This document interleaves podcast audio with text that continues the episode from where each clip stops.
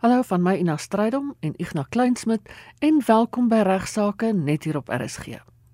Nou Ignas sê hy wil vandag weer op 'n ligter trant begin. Baie hartlike goeiemôre jou Ina en sommer almal daar by RSG en al ons luisteraars baie dankie dat jy ingeskakel is. Van julle getroue luisteraars sal onthou dat ek jare gelede so nou en dan 'n bietjie humor uh met julle gedeel het wat ek gekry het uit sekere boekies, die een boek was die magistraat Weetmos wat deur 'n klomp bekende uh landroste, streeklandroste en regsgeleerdes geskryf is, naamlik Wessel Maree en Tini Steyn en Freek Olivier en Dani Maree. En dan was daar ook die die bekostelike boek van Stilte in die Hof of Shut Up Voetsek uh so skryf Isak Norke. Uh en ek het baie goeie terugvoering van luisteraars gekry en hier ontdek ek vragies weer hierdie week die klomp boekies in my uh boekrak en ek deel graag vir die volgende paar weke weer so 'n storie of wat met u. Nou ons weet almal dat capital punishment is maar die Engels vir doodstraf. En 'n bekende prokureur van Vredendal het die volgende insident vertel aan Wessel Maree in opsigte van 'n voormalige vernoot van hom. Hy maar Platteland van geboorte en uh een of ander rede as 'n baie junior advokaat was hy in Gramstad gewees. Nou, u sal onthou dat die Gramstad van daardie dae, ons praat nou van die 60s tot die vroeë 70s van die vorige eeu, was maar baie baie Engels. Seker vandag nog steeds maar so. Maar Cornelius hierdie junior advokaat se Engels was maar tipies platlands. In sy dorp was alles maar gedurig hoofsaaklik Afrikaans. Engels is vir my en net soos ek op Potchefstroom was, was hy eh, op Stellenbosch maar ook alles feitelik Afrikaans. Hy sport, sy vriende, hy het gevry in Afrikaans daai tyd, ons almal maar uh en sy Engels was maar regtig beroerd. Maar daar in Graamsstad kry hy toe 'n opdrag om 'n appel te redeneer voor die Hooggeregshof. Dit het gegaan oor 'n 18-jarige jeugdige wat tronkstraf gekry het in 'n ander ding saak. Nou die jong advokaat se houding was natuurlik dat tronkstraf heeltemal te ernstig is en sy benadering was dat hy gaan 'n pleidooi lewer dat die vonnis omskep moes word na lyfstraf. Op daardie stadium sal baie van u nog onthou was lytjies, die sogenaamde lyfstraf nogal baie gereeld gegee vir gewone aanrandings en vir diefstal ensovoorts. Nou die jong Corneel se junior advokaat kry toe uiteindelik sy spreekwoord. Uh en dit voor 'n gehoor van oorwegend Engelssprekende advokate. Hy begin toe al sy kollegas luister met ywer met sy Engelse betoog en dit het redelik goed gegaan en uh en ek verbasend goed en, en ek is geskik met homself. Uh maar dit het ongelukkig net gehou totdat hy die spesifieke vonnis wat hy graag wou hê moes vra. Nou net daar steek sy woordeskat toe vas soos u weet baie keer met ons gebeur as mens die hogere Engelse taal moet gebruik. En hy trek los met en ek haal aan my lord en hierdie het loop soos 'n ware storie. My lord I submit that this is not a case for imprisonment. The offender is still young and he should be kept out of jail and hak af met. I submit that this is this is this is a case for capital punishment. Nou die ervare regter het natuurlik maar te goed geweet dat hy eintlik vra vir laaitjies maar hy het hom maar so laat aangaan. Uit sy versoeke motivering tot capital punishment weer beklemtoon voordat hy sy betoog afgesluit het en gaan sit het. Nou die wyse regter wat die uitspraak moes lewer kom toe ewe lakonies na vore en merk op. Ek haal aan. Notwithstanding counsel's emphatic plea for his client to be put to death. This court is of the opinion that a more appropriate sentence for this young man will be one of corporal punishment. Nou corporal punishment is lyfstraf. Soos jy almal weet. Nou ja, luisteraars, die appel is gehandhaaf. Uh, die vonnis is daarom toe gewysig na een van lyfstraf met 'n ligte rotting. Niels het later natuurlik aan sy vennote gebieg dat uh, as hy maar kon sy onder die mat ingegryp het en al sy kollegas het te lekker met hom gesport vir jare daarna. Hy tog is almal weet dat ek preek so dikwels oor die noodsaaklikheid van 'n behoorlike goeie saamwoon verhoudingsooreenkoms. 'n Saamwoonooreenkoms wat alle paartjies wat saam bly en wat in ernstige verhoudinge is maar nie getroud is nie geweldig beskerm. Daar is gedurig ons sulke gevalle waar die verhouding beëindig word geskille oor alles en nog wat. Wie behoort wat behoort aan wie? Wie skuld wat aan wie? By by beëindiging van die verhouding. En daar is dan talle hofsaake wat tot gevolg is en wat maklik vermy kon word as daar maar net 'n eenvoudige ooreenkoms opgestel was wat regtig vir u nie so baie geld in die sak gaan jaag as u na 'n prokureur toe gaan nie. Nou rapport het onlangs berig oor presies so 'n geval wat in die uh, appelhof beland het en uh, ek het kon nog nie die appelhof uitspraak opspoor self nie. Maar ek maak grootliks staat op die berig, maar ek het al geleer dat mens kan John Marie versluis se beriggewing oor 'n uh, eh, hofsaake maar vertrou. Nou die appelhof moes hier besluit oor 'n bakkie. 'n 2017 model Chevrolet Utility 1.4 voertuig. Want daar was tussen die twee die ou kerel en die ou uh vriendin uh 'n redelike toutrekkery gewees. Uh Ronel Nolien Smit het hierdie bakkie al in 2017 gekoop en sy het 'n lening gevat, het hom op krediet met 'n kredietkooptransaksie by General Motors South Africa Financial Services. En uh die bakkie het sy gekoop om eintlik beskikbaar te stel aan Kelvin Kleinhans met wie sy in hierdie romantiese verhouding betrokke was. Nou hulle het 'n uh, ooreenkoms gesluit dat hy hierdie bakkie sou gebruik Hy sou daarom uh aan haar 'n bedrag van R5000 betaal wat presies die paaiement was sodat sy nou eintlik dan nou nie regte verloor nie. Dit gebeur natuurlik baie, weet nie dit in hierdie geval gebeur het nie, dat uh ek koop die bakkie omdat ek kwalifiseer vir finansiering, maar ek koop hom eintlik maar vir jou en jy sal my betaal want ek vertrou jou, want jy kwalifiseer dalk nie vir finansiering nie. Maar ek uh, dit gebeur in baie gevalle. Ek is nie seker of ek dink nie dat dit uh, daar's geen aanduiding dat dit ook hier gebeur het nie. In elk geval soos baie van uh, verhoudinge van wat van mense wat saamwoon en nie behoorlik in die egverbind is nie of net gewone vriendskappe of ook net gewone nooi en kerels is dalk in hierdie geval gebeur het dinge suur geraak en uh alhoewel hierdie transaksie nog vir 'n paar jaar moes loop het hulle verhouding in die eerste helfte van 2018 reeds op die rotse geloop. Kleinhans het uh, daardie maand, Julie 2018, net die helfte van die 2500 betaal uh en hy het botweg geweier om die voertuig terug te gee. Uh sy standpunt was deurentyd dat dit sy voertuig is. Uh nou die dame het toe geen ander keuse gehad nie as om uiteindelik die hof te nader en daar in Port Elizabeth se streekshof en die streekshof het uh, vir hom beveel om die bakkie aan haar terug te gee. Hy het daarna Hooggeregshof toe gegaan. Die Hooggeregshof het van die streekshof verskil en wrag is uiteindelik beland hierdie 2017 bakkie in die appelhof. Nou die appelregter Solet Potterol het in Oktober in haar uitspraak gesê dat toe die twee se verhouding verbrokkel het.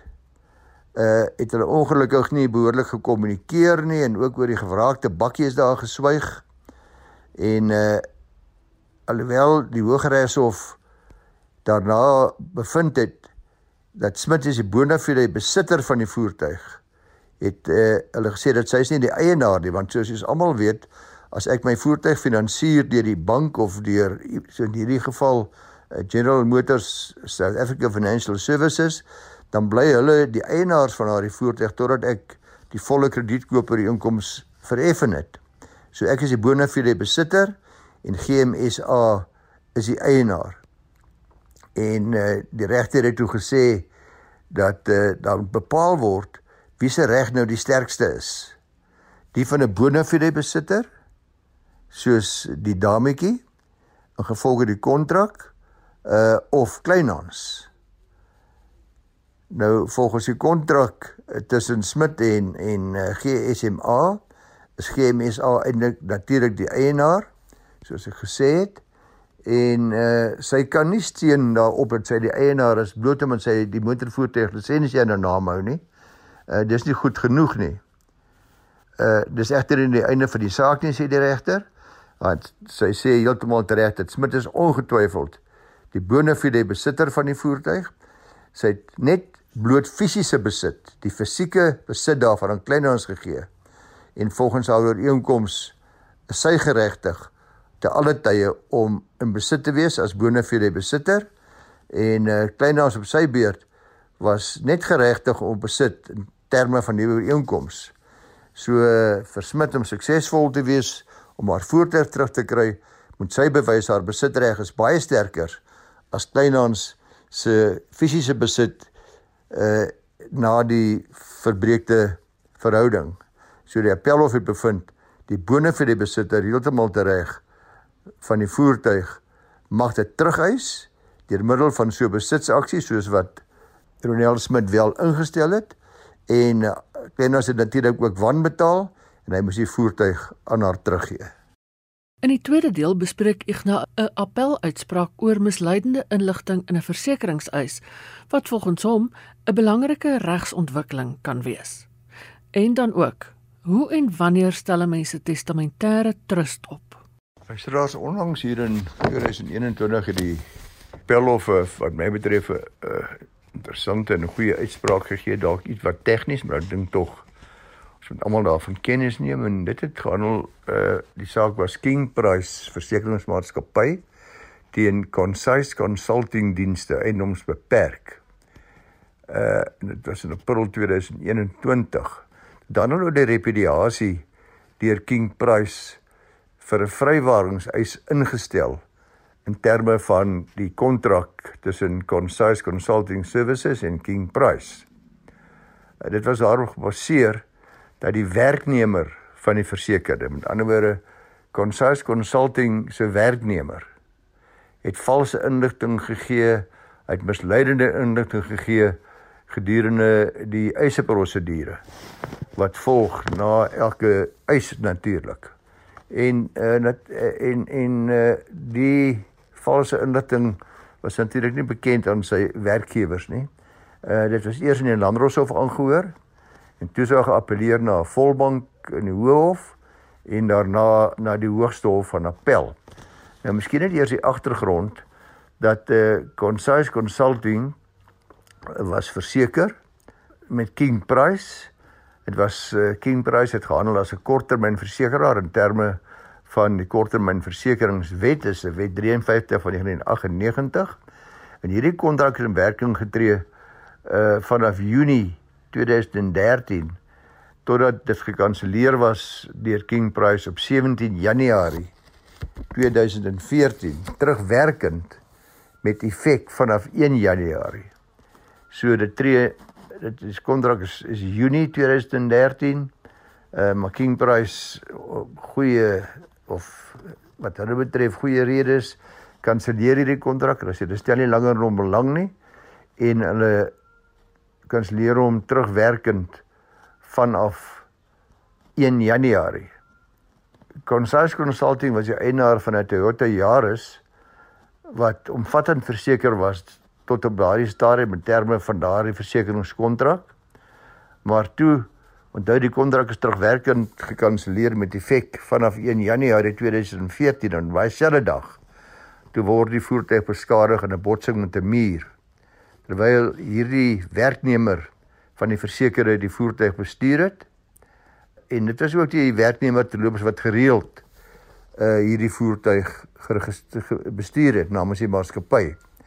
Nou die maatskappy se bestuurende direkteur het hierdie insident onmiddellik aangemeld by King Price telefonies dieselfde datum reeds op 1 Januarie. Hy het ook die bestuurder aangesê om dadelik dan die SAP toe te gaan wat hy toe gedoen het en uh, op 8 Januarie het uh, die versekeraar se verteenwoordiger die bestuurder van die voertuig gekontak om te hoor hoe die ongeluk nou plaasgevind het en nadat die bestuurende direkteur eers gekontak was. Nou die direkteur man vra my, vra die werker, hy ek weet nie.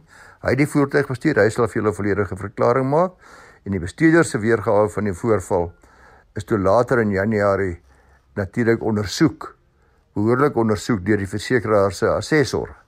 Uh dit beteken hulle het hom dalk nie heeltemal geglo nie of daar was iets wat hulle geplaat of hulle het net 'n normale rotine ondersoek gedoen. Maar op 17 Januarie toe keer die versekeraar die eis af, kanselleer die kontrak terugwerkend as gronde vir die afkeuring van die eis opper die versekeraar toe dat die bestuurder vals inligting verskaf het rakende die botsing en na stawing verwys die versekeraar ook na sekere klousules in die kontrak onder andere die eerlikheidsklausule wat hulle geregtig maak om dan hierdie kontrak terugwerkend te kanselleer. Nou in die Landdroshof is die, die versekerde toe dagvaart toe die versekeraar vir die bedrag van die billike skade, dit wil sê om die voertuig te herstel na dieselfde posisie wat dit was voor die botsing. Die Landdroshof uh, keer die eis af op de, daar en baseer die uitspraak daarop op die feite dat die bestuurder van die voertuig se verklaring vals was en dan word toe nou geappeleer uh van die landdroshof of na die hogeregshof toe. In die hoë hof beslis toe ten gunste weer van die versekerde, hulle baseer die weer hulle beslissing daarop dat die versekeraar dra die las om te bewys dat die bestuurder 'n vals verklaring gemaak het en wanvoorstellings gemaak het met die bedoeling om te bedrieg en die klausules waarop hulle gesteun het om aanspreeklikheid vry te spring is streng gesproke deur die hof geïnterpreteer en gesê die hoofdoel daarvan in die algemene aard en die doelwit uh, van die versekeringskontrak was van so 'n aard dat uh, in hierdie geval die versekeraar nie die bewyslas nagekom het om oneerlikheid of valsheid van die versekerde aan te dui. Nou luister daar toe die bestuurder die vals inligting aan die versekeraar oorgedra. Dis nou so 'n paar dae of weke wat na die ongeluk het hy nie opgetree namens die sy werknemer nie. Dis wat die hoof sê en die versekerde self was totaal onbewus van hierdie valse verklaring en van hoe die ongeluk regtig plaasgevind het. So sê die hoof die valse verklaring deur die bestuurder is nie wesentlik tot die vrywaring van die versekerde nie saak is toe na die hoogste hof in appel toe. En 'n belangrike uitspraak, soos ek vir u gesê het, die daar was eers nie uh, veel aggeslaan op hoe waar of vals die bestuurder se verklaringe was nie. Wat vir die appelhof van belang was, was die volgende: die wesentlikheid van die verklaringe deur die bestuurder, hoe belangrik dit was en of die bestuurder opgetree het namens die versekerde toe hierdie verklaring gemaak het, toe hierdie inligting verskaf het gedurende die eisprosedure. Nou die versekerde se bestuurende direkteur voer aan dat die bestuurder as gereelde bestuurder die enigste persoon was wat die feite van die saak aan die versekeraar kon verskaf. Maar natuurlik was hy as as as werkgewer totaal onbewus van wat die bestuurder sou sê of dat wat hy wel gesê het vals was. En daar was van hulle af geen sprake dat hy voorgesê was om as die feite te vervals nie. Die bestuurder was nooit gemeld as agent van die maatskappy nie, maar bloot die enigste getuie en derhalwe kan hy nie geag word op te tree namens die versekerde nie. En omdat die bestuurder gedurende sy verklaring nie opgetree namens die maatskappy nie, kan daar geen aanspreeklikheid of skuld aan die versekerde self toegeken word nie. So sê die appelhof. Die appel word van die hand gewys en die versekeraar moet die eis betaal aan die versekering. So die gevolgtrekking is luisteraars belangrik is die versekerde maatskappy wat die kontrak aangegaan het met die versekeraar en met so juris, juridiese persoon met ander woorde die die die regspersoon deur 'n natuurlike persoon verteenwoordig word. Uh die bestuurder self van die voertuig word nie die maatskappy se verteenwoordiger nie. So wat ek as privaat persoon versekerings aangaan en vals inligting aan die versekeraar gee as hulle my eis beslis afgekeur word. Weens die kontraksverhouding is ook die eerlikheidsklausule wat in al sulke kontrakte bestaan wat ek in my private dadigheid gedoen het. Maar belangrik is dat waar die bestuurder van die voertuig dit valse verklaringe maak uh soos in hierdie geval is dit nie namens die maatskappy nie uh, en het hy nie opgetree namens die maatskappy met daardie verklaringe nie. En kan geen aanspreeklikheid aan die skuld van die versekerde toegeken word nie. 'n uh, Interessante uitspraak wat waarskynlik nie almal se regsgevoel sal bevredig nie. Uh maar ek dink 'n belangrike regsontwikkeling. Ter afsluiting vandag 'n skrywe wat ek ontvang van Eugene Oren. Hy sê hy en sy vrou is volgende jaar al by 60, hulle is kinderloos. Hulle het saam 'n testament, 'n gesamentlike testament opgetrek waar alles verkoop moet word en die restant gelykop verdeel moet word tussen hulle susters. Nou sê hy, ja, so jy seker al baie te doen gehad het met familiesake. Het ook ons familie gedurende die vakansie 'n uh, bom getref. Hy het bietjie gaan kuier met 'n skok agtergekom dat van hulle susters se kinders nie opgetree het soos wat hy daarvan hou nie of onverantwoordelik is met geld gedurig by hulle ouers leen ensovoorts natuurlik uh, waarskynlik nie altyd terugbetaal nie. En hy daarin dan besluit om uh, anders te gaan te werk te gaan met sy erflating hy en sy vrou se. Hy wil nou graag nog steeds vir sy susters elkeen 'n bedrag gee maar die restant van die boedel moet dan op 'n bepaalde bedrag maandeliks uitbetaal word aan sekere mense in instansies wat hulle wil nomineer totdat dit dan nou eendag uitgeput is. Hy hy vra as ek dit duidelik so bepaal in my testament kan dit so gedoen word sonder om 'n trust te stig want hy sê ek sal nie nou die fooie vir die oprigting van 'n trust kan betaal nie. Dan vra hy kan ek byvoorbeeld in my testament bepaal dat die trust eers na my dood gestig moet word om sodoende my wens te vervul. Uh dan sê hy soos baie ander luisteraars ook, hy hoop hy gaan nie die uitsending mis nie. Hy uh hy sal baie graag wil hoor En eintlik vra hy geïmpliseer of ek moet laat weet wanneer dit uitgesaai geword. Ongelukkig weet ek nie altyd nie veral nie nou in die grendeltyd waar ek redelik lank voor die tyd al programme opneem nie, maar hoop ek dat hy wel die antwoord kry.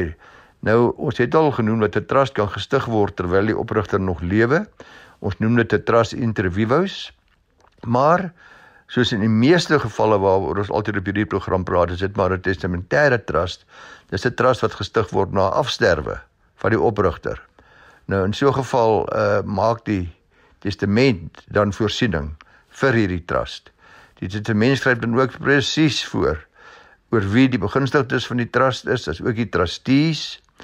Uh daar word gereeld dan gewerk met 'n testamentêre trust byvoorbeeld vir minderjarige kinders of enige ander instansie soos wat ons luisteraar ook al mag besluit uh, ter wille van wie hy of ten gunste van wie hy die testamentêre trust wil opstel. Uh dit word dikwels gebruik byvoorbeeld vir behoeftige persone, liefdadigheidsorganisasie vir die kerk of wat ook al. Uh universiteite word ook dikwels op hierdie manier benoem. Uh, ek sou voorstel dat die luisteraar dus inderdaad in die testament voorsiening maak vir die oprig van 'n trust.